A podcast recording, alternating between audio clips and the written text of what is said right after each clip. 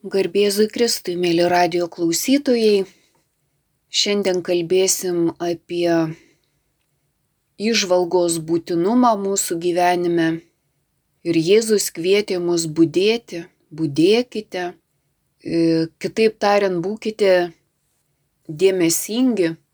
Ir ypač tais momentais, kada mes tarsi esam susvetimėję Dievui, artimui arba net ir savo, kai reikia susitaikyti su artimu, su Dievu ar su savim, mums reikalingos tam tikros priemonės, mums būtina pagalba. Ir viena iš tokių priemonių arba pagalbų, kurias mes galim tiesiog patys savo suteikti, tai yra išvalga mokantis įžvalgos labai svarbu sugrįžti, kai mystikai sako į save, kitaip tariant, pa, pamatyti savo aistras, savo mintis, savo jausmus ir kiek įmanoma nurimti savyje tam, kad atsirastų galimybė iškumui. Ir žinoma, mes dažnai gyvenime turim daryti tam tikrus pasirinkimus arba sprendimus. Šventasis Ignacas Lojola mokė, kad galima net e, vesti dienoraštį ar ne, tame dienoraštyje išsakant, tarkim, kokį pasirinkimą kažkuriuo atveju tu norėtum padaryti. Kitaip tariant, ką tu rinktumeis ir ko tu nesirinktum. Pavyzdžiui, vat renkuosi šitą A variantą, bet nesirenku kito varianto. Nes labai dažnai, kai mes turim daryti sprendimą, tai į galvą ateina ne vienas tas variantas, bet vis tiek mes turim pas, pasirinkti kažkokį, o atmesti irgi kažkokį, ar ne, pasirinkti A, atmesti B. Bet labai svarbu, kaip Ignacas Lojola sako, ne ne vien tik tai proto šiuo atveju, bet labai svarbu įsiklausyti ir į savo jausmus, ką tu jauti, pasirinkęs vieną ar kitą variantą. Ir taip pat, kodėl tave vilioja kažkoks, vat, į ką linksta tavo valia Ir šitos dalykus įsiaiškint yra svarbu, nes labai dažnai mes skubam arba tiesiog, nu, paleidžiam vadžias iš savo rankų ar ne, mes neprimam jokio sprendimo. Kartais tai irgi būna kaip variantas, bet vis dėlto, va tai išvalga reikalauja, kad mes e, sutelktume, tai reiškia nuramintume savo protą, nes jis kitaip nesusitelkia, triukšme jis yra išsiblaškęs, kad mes nuramintume savo jausmus ir tiesiog ramiau pasižiūrėtume į tą situaciją. Ir labai svarbu nekonfrontuot su savimi ar su kitais, kitaip tariant, priimti save tokį, koks dabar aš esu,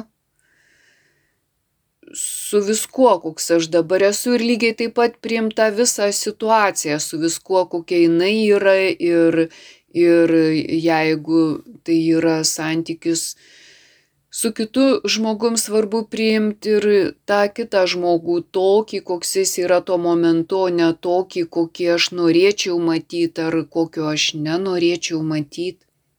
Tai ką reiškia, vad, priimt viską, kaip dabar yra, tai reiškia, kai mano jausmai nurimsta, mano protas nurimsta, tada aš ir galiu priimt tą situaciją, tą žmogų, save patį galbūt.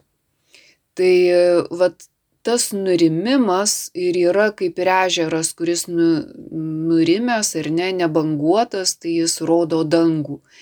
Tai ir čia kažkas manie pradeda ryškėti.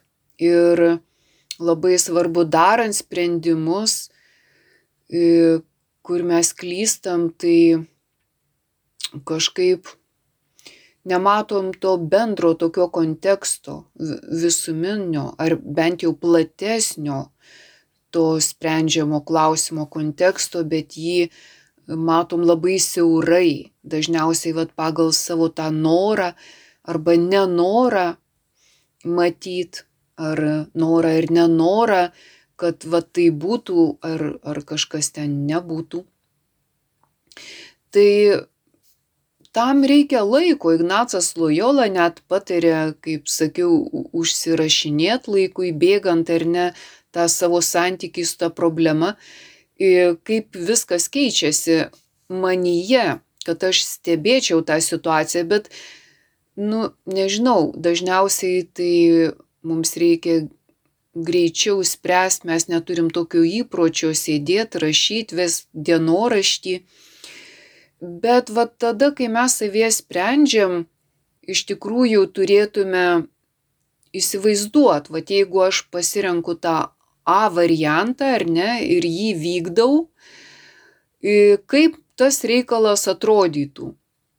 Ir kaip tik čia pagal tą ignaciškai metodą, ar, ar tu tada jausi ramybę, džiaugsmą, vidinę tokią giedrą, tokį pasitikėjimą savimi, tam tikrą paguodą einančią tarsi palaiminimą Dievo ar ne, kad tu pasirinkai šitą, vat, tu renkiesi šitą variantą.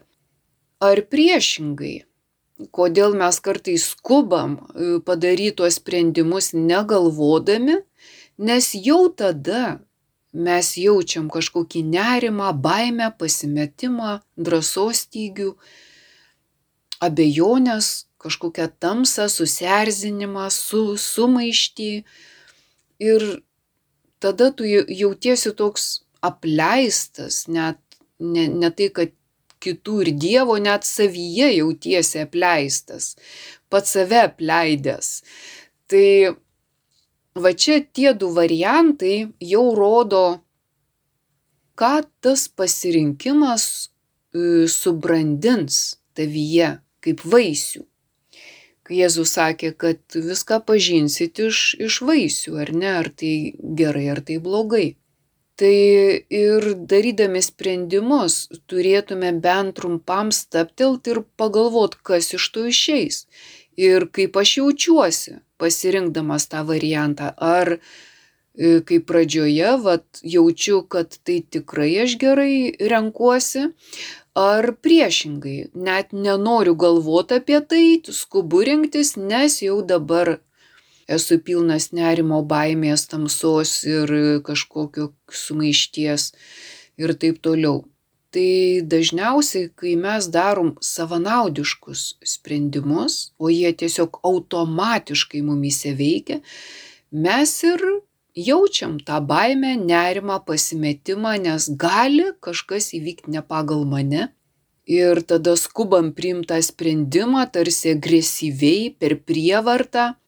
Bet tais atvejais, jeigu mes renkamės ir galvojam, kad, na, gali man kainuoti ar ne tas pasirinkimas, būtent tą mano egoizmą, bet aš žinau, kad tikrai, jeigu šitą pusę pasirinkčiau, Dažniausiai tai būna altruistiški pasirinkimai, kada aš nebijau pasiaukoti už kitą, kada aš nebijau atsisakyti dalyko, kuris gal man asmeniškai man būtų geras, bet kadangi šitam reikale ne tik aš vienas, tai vad galvojant apie kitus, aš turėčiau rinktis vad tokį variantą, kuris tinka, kad tarp manęs ir, sakykime, kito ar kitų žmonių būtų taika, išliktų ta harmonija, kad ta ramybė ir gerovė ne tik, tarkim,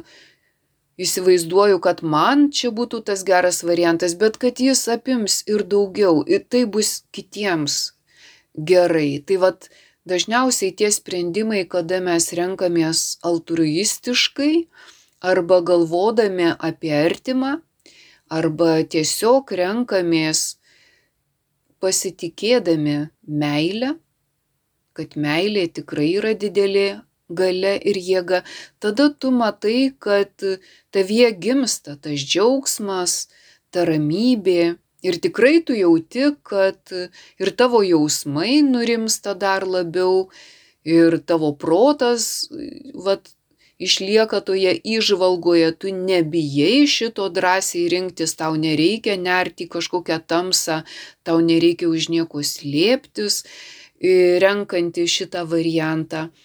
Ir, ir tada matai, kad, na, visi, vat, tas tikrasis vaisius bus kanus, ar ne, tai bus sunokęs geras vaisius.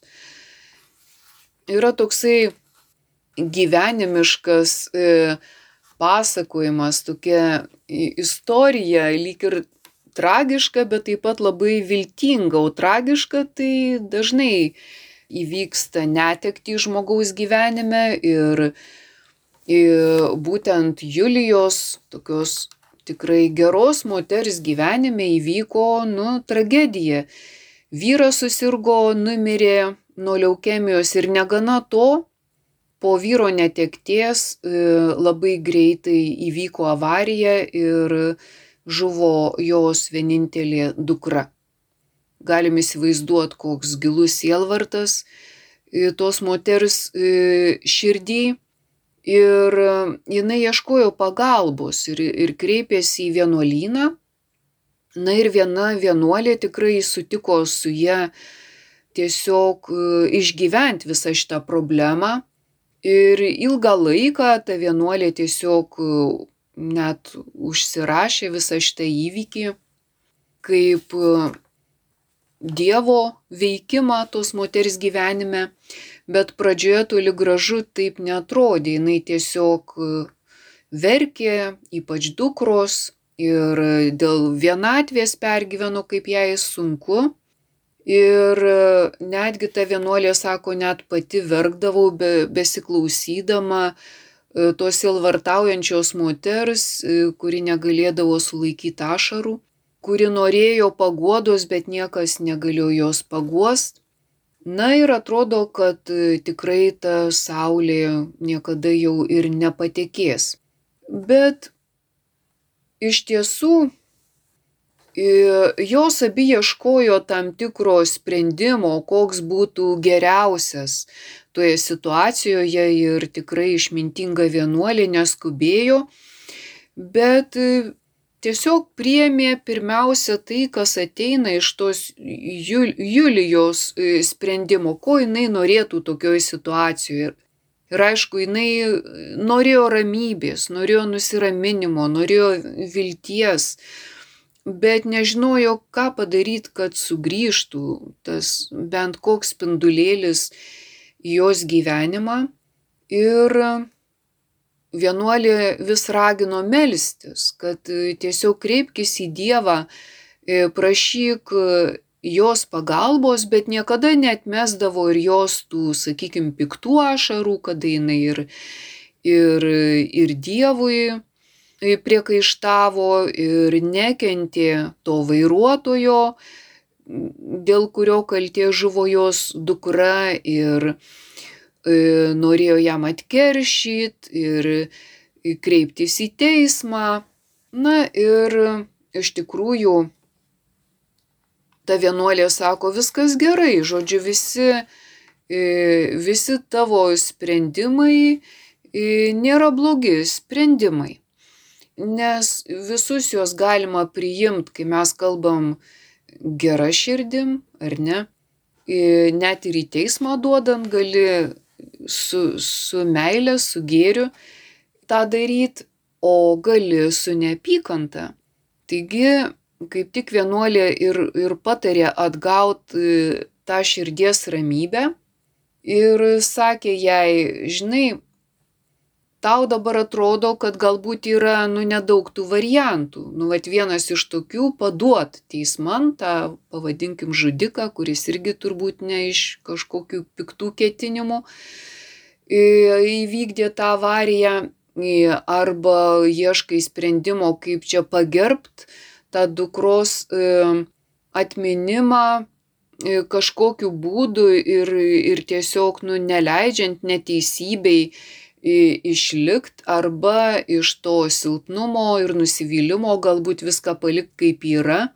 Na ir jinai sako, kiekvienas tavo sprendimas va turi ir stipres pusės, ir silpnas. Kiekviename gali atrasti, kur būtų galima pritart, bet kiekvienas turi savas spragas. Ir sako, bet mes neapsvarstėm dar vienos tokios e, galimybės. Tu sako, vad gavai tarsi iš Dievo užduotį, nu vad kaip, kaip įspręs šitą problemą. Bet sako, spręsdama tą problemą, tu gali tapti Dievo gailestingumo siūleliu. Nesvarbu, ką tu pasirinktum, bet e, tiesiog spręs taip, kad per tavo tą veiksmą galėtų į žemę ateit e, pats Dievo gailestingumas, kuris ir būtų pats teisingiausias e, sprendimas. Tai tada jinai išsigandų sako, ar jūs man nu, patarėt trauktis iš vis iš tos situacijos. Ir vienuolė sako, ne, tu nesitrauk, bet į pirmą vietą būtent statyk šitą Dievo gailestingumą ir prašyk Dievo, kad tu taptum to Dievo gailestingumo įrankiu, vat tuo siūleliu. Tiesiog darydama bet kokį sprendimą, stovėk Dievo akivaizdoj ir, ir prašyk jo, kad, kad jisai tau parinktų tą patį geriausią variantą, per kurį jo gailestingumas galėtų ateiti į pasaulį ir ateis tuo pačiu ir į tavo širdį, ir į tavo gyvenimą. Tu siek ne savo teisingumo, bet Dievo karalystės teisingumo. Ir tada, sako, pamatysi, kad nu, tiesiog ta Dievo malonė palies ir tave, gydys tave, jeigu tu norėsi vat, tapti to gailestingumo įrankiu. Ir iš tikrųjų labai daug gali Dievo malonė kad e, ta mintis, e, tęsiant šitą pasakojimą, e, tiesiog tapo jo pagrindinė maldos dalimi. Ir jinai sako, va tada aš pirmiausia ir praktikavau tą Dievo gailestingumą, spręsdama, rinkdamasi tą geriausią sprendimą. Ir sako, labai įdomus pokyčiai prasidėjo mano gyvenime, sako, tiesiog pradėjau jaust e, Dievo buvimą kaip vedimą. E, pradėjau jaust, kad ne, ne man reikia, bet tarsi esu aš vedama. Ir sako, kasdien pradėjau eiti į šventas mišes. Nes labai troškau primti komuniją, todėl kad po komunijos jaučiau labai e, tokį šiltą artumą su savo dukra, lyg regėčiau ją ir, Ir va tas šiltas jausmas e, tarsi buvo to, tokia informacija, kad jai tikrai ten daug geriau, negu kad jos gyvenime jai buvo gerai.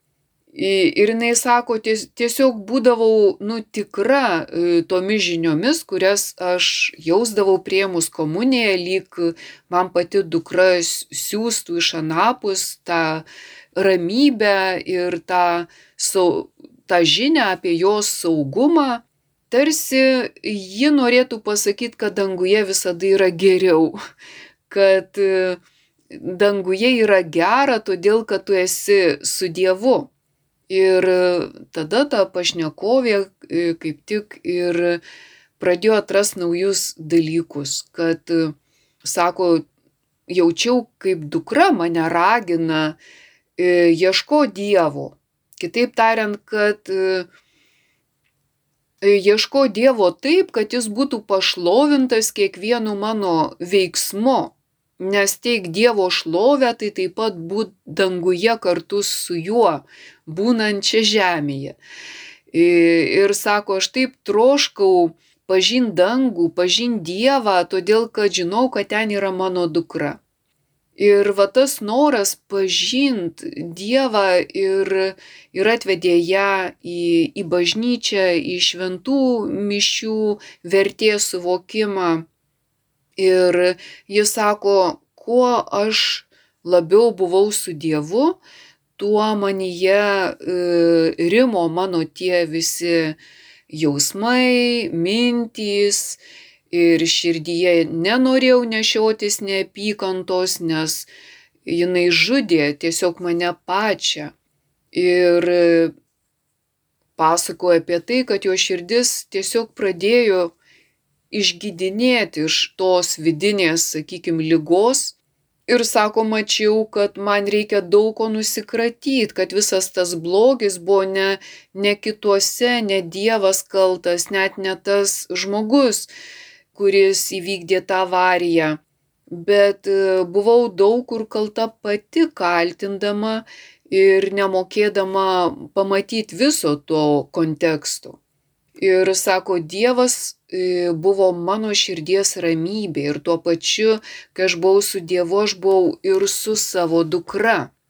Taigi tikėjimas sugrįžo į jos gyvenimą, su tikėjimu viltis ir ji išmoko mylėti, mylėti artimą, e, matyti meilės akimis, e, naujai tą, tą situaciją, nes kai žiūrim per neapykantą mes vienaip matom, ar ne, mes matom tą tamsą, tą juodumą, baisumą, blogumą, kai žiūrim meilės akimis mes visai kitaip vertinam dalykus.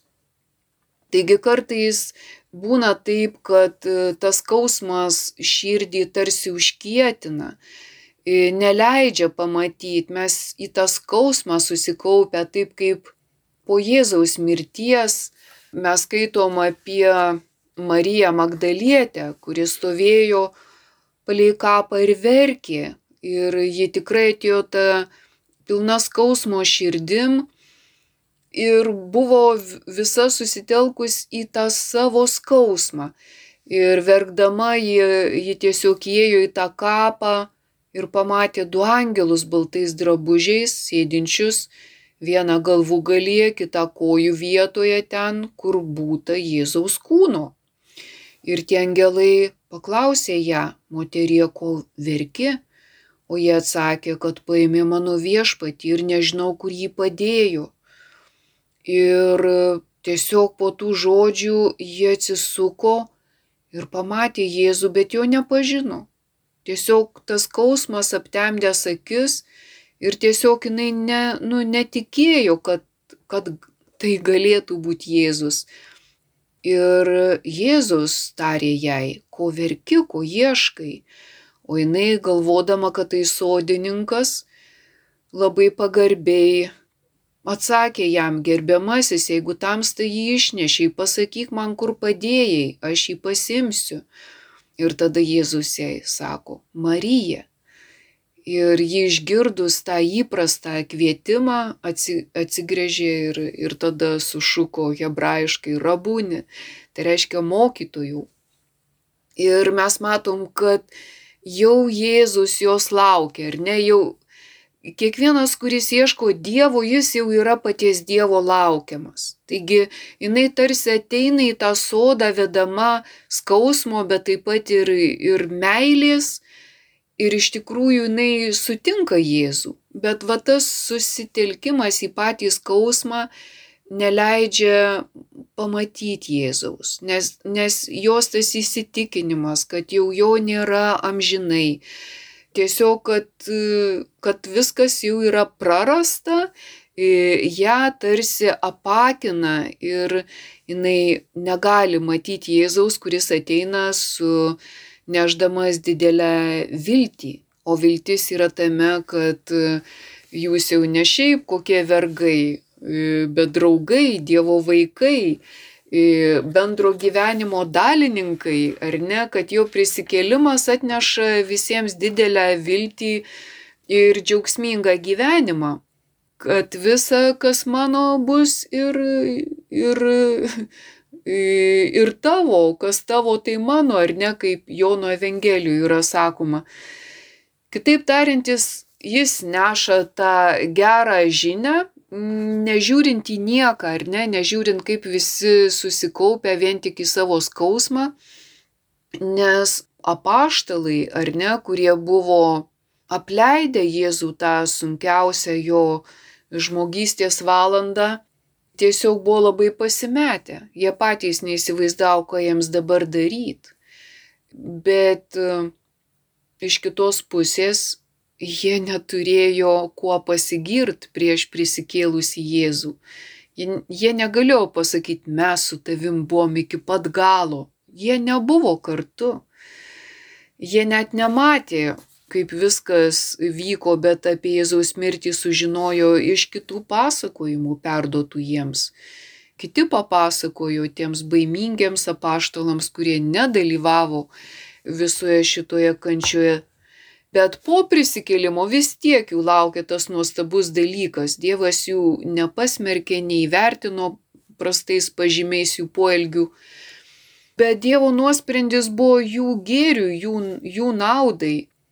Tai buvo Dievo meilės pasireiškimas. Viską pamirškit. Aš siunčiu jums ramybę. Jėzus sveikinasi ramybė jums. Ir atsiunčia šventąją dvasę. Tai mes matom, kad Dievo meilė visada yra daug didesnė ir galingesnė už žmogaus tą meilę, kuri greit susigūžė, išsigasta, e, pabėga, tampa labai savanaudiška ir negali tada atpažinti e, žmonės net į Dievą žiūrėdami paties Dievo. Nors per paskutinę vakarienę buvo tie didžiausi draugai. Taigi daug kas ateina iki tos vakarienės stalo, bet tiesiog toliau neturi jėgų, neturi drąsos, neturi ištvermės, o iš tikrųjų nepakanka meilės, kaip Jėzus pagyrė būtent tą pačią Magdalietę už didelę meilę jai buvo viskas atleista, nes jinai labai mylėjo. Taigi mes matom, kad e, iš tikro ta, sakykime, trapi žmogiška meilė visada gali būti papildyta Dievo meilė. Arba ta žmogaus trapumas visada e, gali būti sutvirtintas paties, paties Dievo.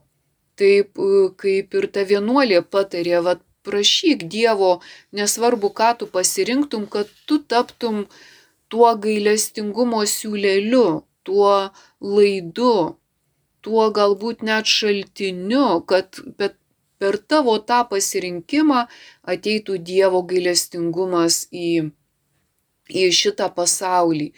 Ir iš tikrųjų tai labai svarbu sprendimuose kreiptis į Dievą jo pagalbos, kad mes va iš to savo trapumo kartais esam nepajėgus pasirinkti tuos gerus dalykus, kurie subrandins gerus e, vaisius, o tiesiog negalvodami, e, neturėdami jokio dėmesingumo, pasiduodam toms situacijoms, kurias dažnai pasinaudoja piktoji dvasia neždama mirtį.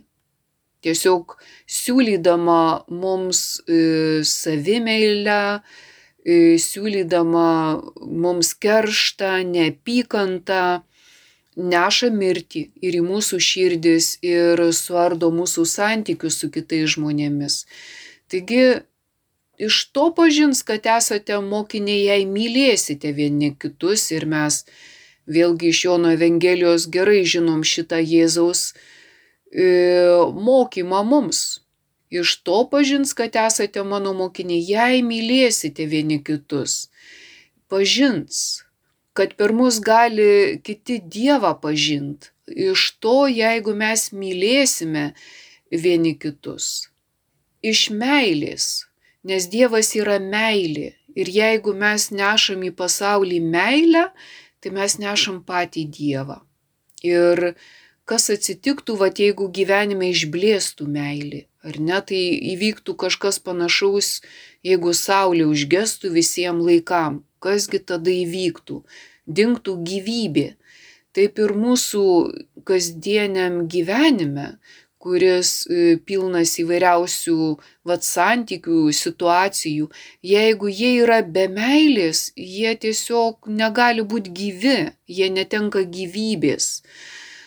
Tada mes prarandam tą ramybę, džiaugsmą, mes neskleidžiam šitų dalykų, mes nenešam vilties, mes nesam tie žiburiai.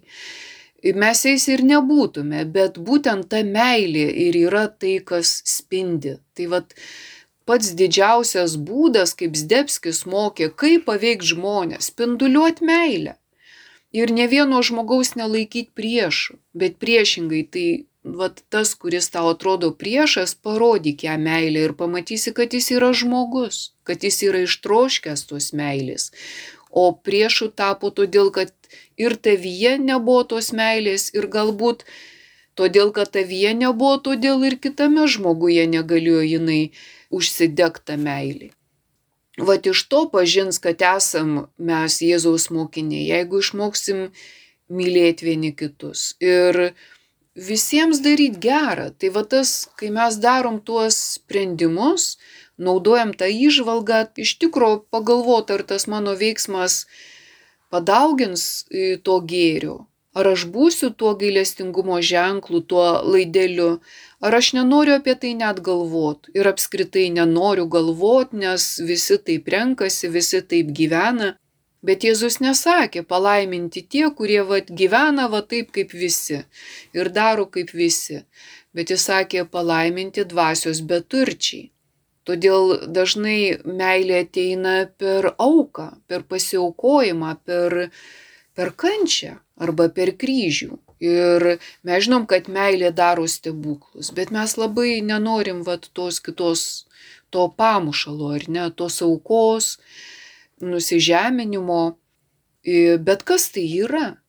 Tai būtent yra neapykantos, sakykime, naikinimas, nes meilė sunaikina neapykantą. Tai jeigu mes norim, kad nebūtų mano gyvenime tos neapykantos, tai, tai vienintelis vaistas yra meilė. Taigi mūsų širdis gali tapti palaimo šaltiniu arba prakeiksmu pasauliui. Jeigu mes einam su neapykanta, su pykčiu, su keiksmais, prieštaravimais, blogą linkėdami, nu tai mes esam prakeiksmas pasauliui. Todėl tas pats Debskis ir sakė, kad yra mes galingi dviem galių. Arba meilė, arba neapykanta. O neapykanta yra puikybė, didžiausia nuodėmė. Arba mes veikiam kartu su, su Dievu, arba su Šietonu. Ir už tai vat, yra tos dvi galios. Pasirinkdami, vat, su kuo mes einam, ten ir nueisim. Arba į dangų, arba į pragarą. Taigi, va tie vaisiai, jie subrandinami, bet tie vaisiai yra mūsų pačių padarytas sprendimas. Todėl reikia tos išvalgos, kad mes pamatytume, kas ten slypi už to mano pasirinkimo. Ar tas Dievo karalystės, vad, lobis, ar ne, pati Dievo karalystė, ar priešingai, ar pragaras manęs ten laukia, kuris jau renkantis tą dalyką, kai kalbėjom, jau mano jausmuose kelia sumaištį, baimę, nepasitikėjimą, nerimą. Tai jau ir yra tos užuomenos, kad greičiausiai aš ne, ne tą dalyką renkuosi, todėl tas piktasis priešas vagis mus skubina greičiau, greičiau, ar ne, greičiau keršį, greičiau ten keiktą žmogų ir taip toliau. Kitaip tariant, mes blogą padarom labai greitai. Vien todėl, kad mums trūksta tos išvalgos. Ir turėdami tą išvalgą mes, kaip Ignacas Lojolas sako, mes galim jau iš anksto išvelgti ar ne, ką reiškia tavo geri pasirinkimai, kai tu renkėsi gerus ir jau užpildo tavo širdį tas gėris, e, arba kaip mes nenorim galvot, kai renkamės tuos blogus pasirinkimus, tą šetonišką dvasę. Ir šetonas, aišku, eina su neapykanta. Jis nekenčia meilės. Todėl net ir nugalėti šetoną mes galim būtent meilės būdu. Vadinasi, žmogus mylėdamas tampa visagaliu. jis pats tampa meilė, kuri yra didžiausia dovana visiems. Bet čia niekas negali priverst, nes mylėt gali tik laisva širdis. Ir už tai, kaip ir Zdebskis pastebi, kad šetonas labai daug laimi, kai žmogų apsaugo nuo kryžiaus.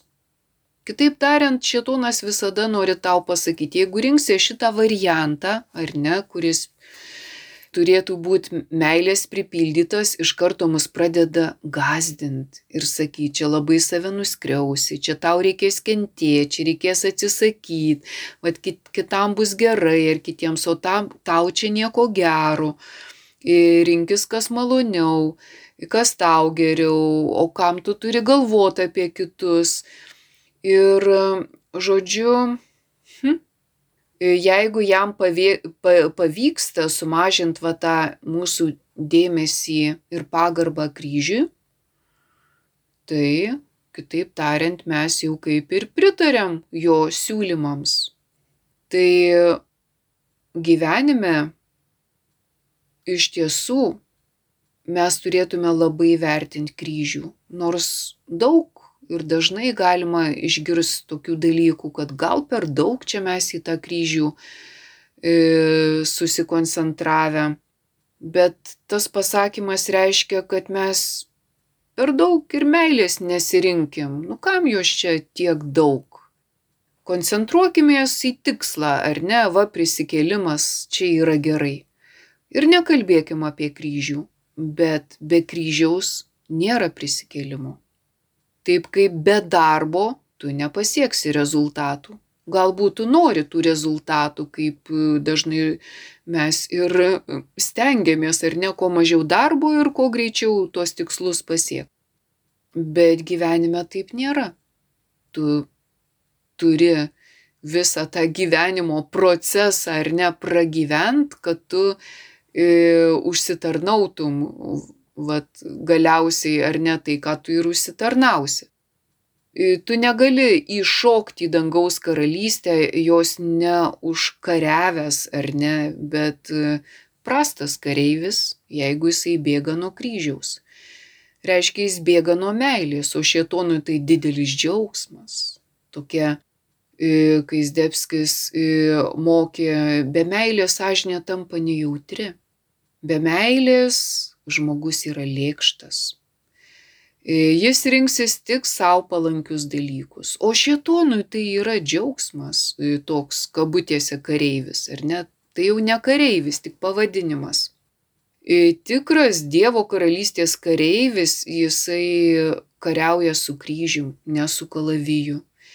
Ir jo dėmesio centre yra meilė. Toks kareivis yra tikras Kristaus kareivis. Taigi mes, kai mokomės mylėti, tai va tą meilės fonę mes labai aiškiai pamatom savo paties nemailės formas - nedėkingumą, grubumą, nejautrumą, gailėšio stoką. Ir meilė moko to jautrumo, meilė daro tą sąžinę gryną, švarę, jautrę. O jeigu meilės nėra mano gyvenime, Kur tas kelias veda? Tas kelias veda į depresiją. Jeigu kalbėt apie žmogų, taigi depresija ir yra mirtis. Gali, jeigu, kai Zdebskis sakė, kalbėti apie tautą be meilės, tai toks gyvenimas veda į mirtį. Tai kaip mes dabar matom, visam pasaulyje karai. Vienoj, kitoj vietoj. Tai rodo, kad gyvenam be meilės. Iš meilės karai nėra sukeliami, iš neapykantos, iš savanaudiškumo, iš puikybės, tai visur keliami karai. Bet meilė, jinai toks įdomus dalykas, ar ne, vad meilė, kai kalbam apie švenčiausios trybės meilę, ar ne, nu vad tikrai tėvas ir sūnus gyvena apgaubtas didžiausios meilės. Bet kai Jėzus meldėsi alyvų sode ir prašė, tėve, gal gali praeiti šitą taurė, bet tebūnė tavo valia. Ir ta taurė nepraėjo. Bet tėvas suteikė jėgų sūnui ištvert visą tą kančią, nes ta kančia buvo vardan išganimo.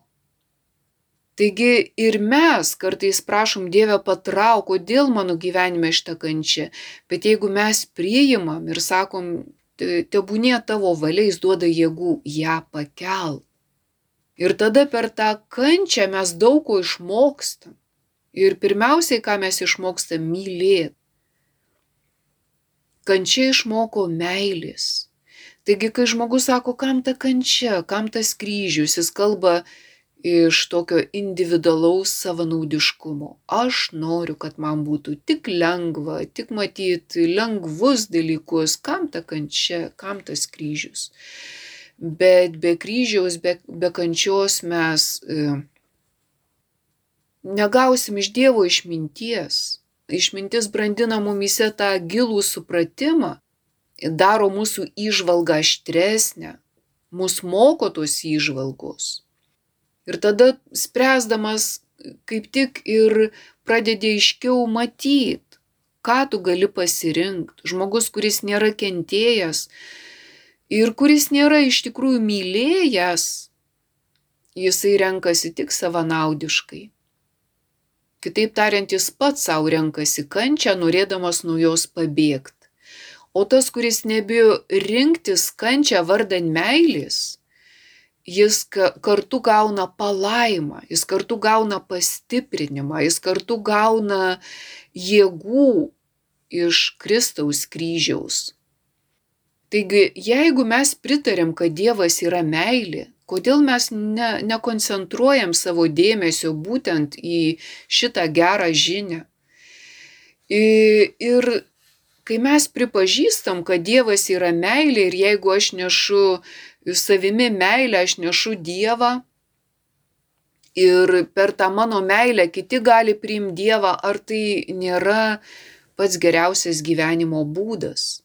Ir kas gali atskirt mus nuo Dievo meilės, ar ne? Niekas. Kaip Zdebskis sakė, kas nuo meilės gali e, sulaikyti kalėjimas, mirtis? Niekas.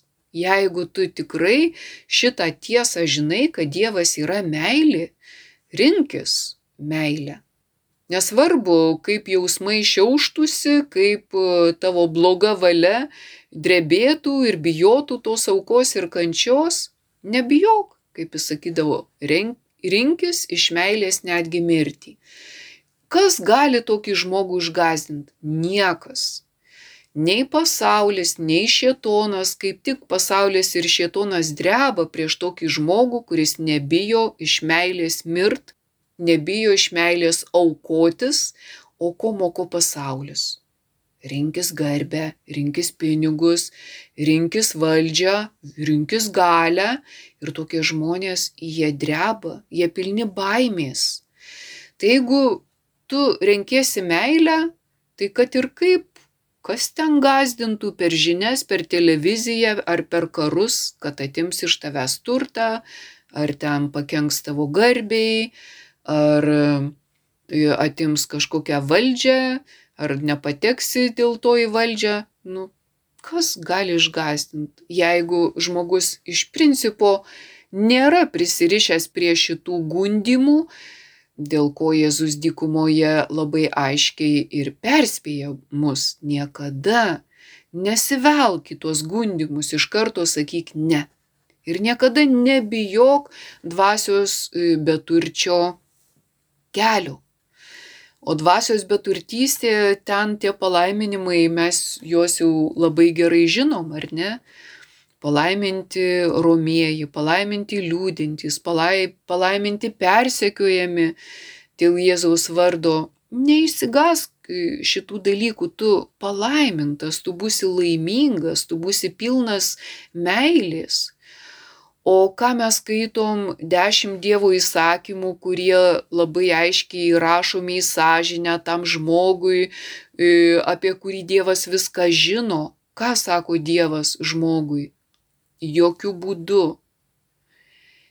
Ne, nesakysi netiesos, nevoksi, nežudysi, netrokši kito gero. Jis sako tam žmogui, kuris trokšta šitų dalykų kuris yra pasiruošęs žudyt, vokt, meluot. Bet kada taip žmogus elgsis, kada jis rinksis tą turtą, pinigus, valdžią, vardą, prestižą, karjerą ir taip toliau. Čia galima daug išvardint, ką reiškia prisirišti prie tų velnio gundimų. Taigi šetonas labai mūsų dėmesį greitai nuo dieviškų dalykų pakreipia būtent į šitus mūsų sugadintai širdžiai malonius dalykus. Bet mes žinom, kad Dievas yra meilė ir mes turim skleisti šitą žinę. Eikite ir skelbkite Evangeliją visam pasauliui. O ta Evangelija yra, kad Dievas yra meilė. Dievas atnešė meilę į pasaulį ir atnešė kryžiaus keliu, ne, ne kitų būdų, ne, ne ten springdamas malonumais, ar ne, nesakė palaiminti, kurie ten aukojatės dėl malonumų. Ne, nėra tokių palaiminimų. Taigi Dievas tikrai yra nekintama meilė, nors mūsų meilė ir yra kintama ir labai silpna ir mes žinom, kad Dievas nesitikė daug iš mūsų. Ir vat jau Petras žinojo, kad jis yra uola, ar ne, Jėzus jam taip sakė, bet jis tris kart jo įsižadėjo. Ir Jėzus nesirinko labai stiprių žmonių, bet jisai jiems parodė labai didelę meilę pasakydamas, kad ir koks tu esi silpnas, bet nebijok rinktis meilės, kad ir koks tu esi silpnas, apsikabink tą kryžių, e, kurį tau Dievas davė, jis suteiks tau jėgų. Taigi mūsų užduotis gyvenime būtent liūdyti šitą tiesą, kad Dievas yra meilė ir nebijot net pasiaukot už ją. Taigi, kai mes stengsimės tapti va tais išvalgiais, spręsdami kažkokias problemas, tai nepraleiskim e, pro savo širdies akių būtent šitos tiesos, kad visada reikia eiti su meile ir su viso meilės formom, su gailestingumu, su supratimu, su užuojauta, su gera valia, bet kokį darant sprendimą. Ir tada tas sprendimas taps palaima ir mums patiems. Taigi išdryskim rinktis meilę ir kai Jėzus sakė, būdėkite ar ne, ne nesnauskit, ne, nepramiegokit šito jums duoto laiko. Taigi būkim išvalgus ir įsiklausykim į savo tas išvalgas, pastebėkim, kurią pusę mes renkamės ir drąsiai rinkimės ir neškim tą žinę į pasaulį, kad Dievas yra meilė ir kad meilė gyventi tikrai yra įmanoma su Dievo pagalba. Taigi ačiū Jums uždėmesį su Dievu. Kalbėjo daktarė Bronė Gudaitytė. Likite su Marijos radiju.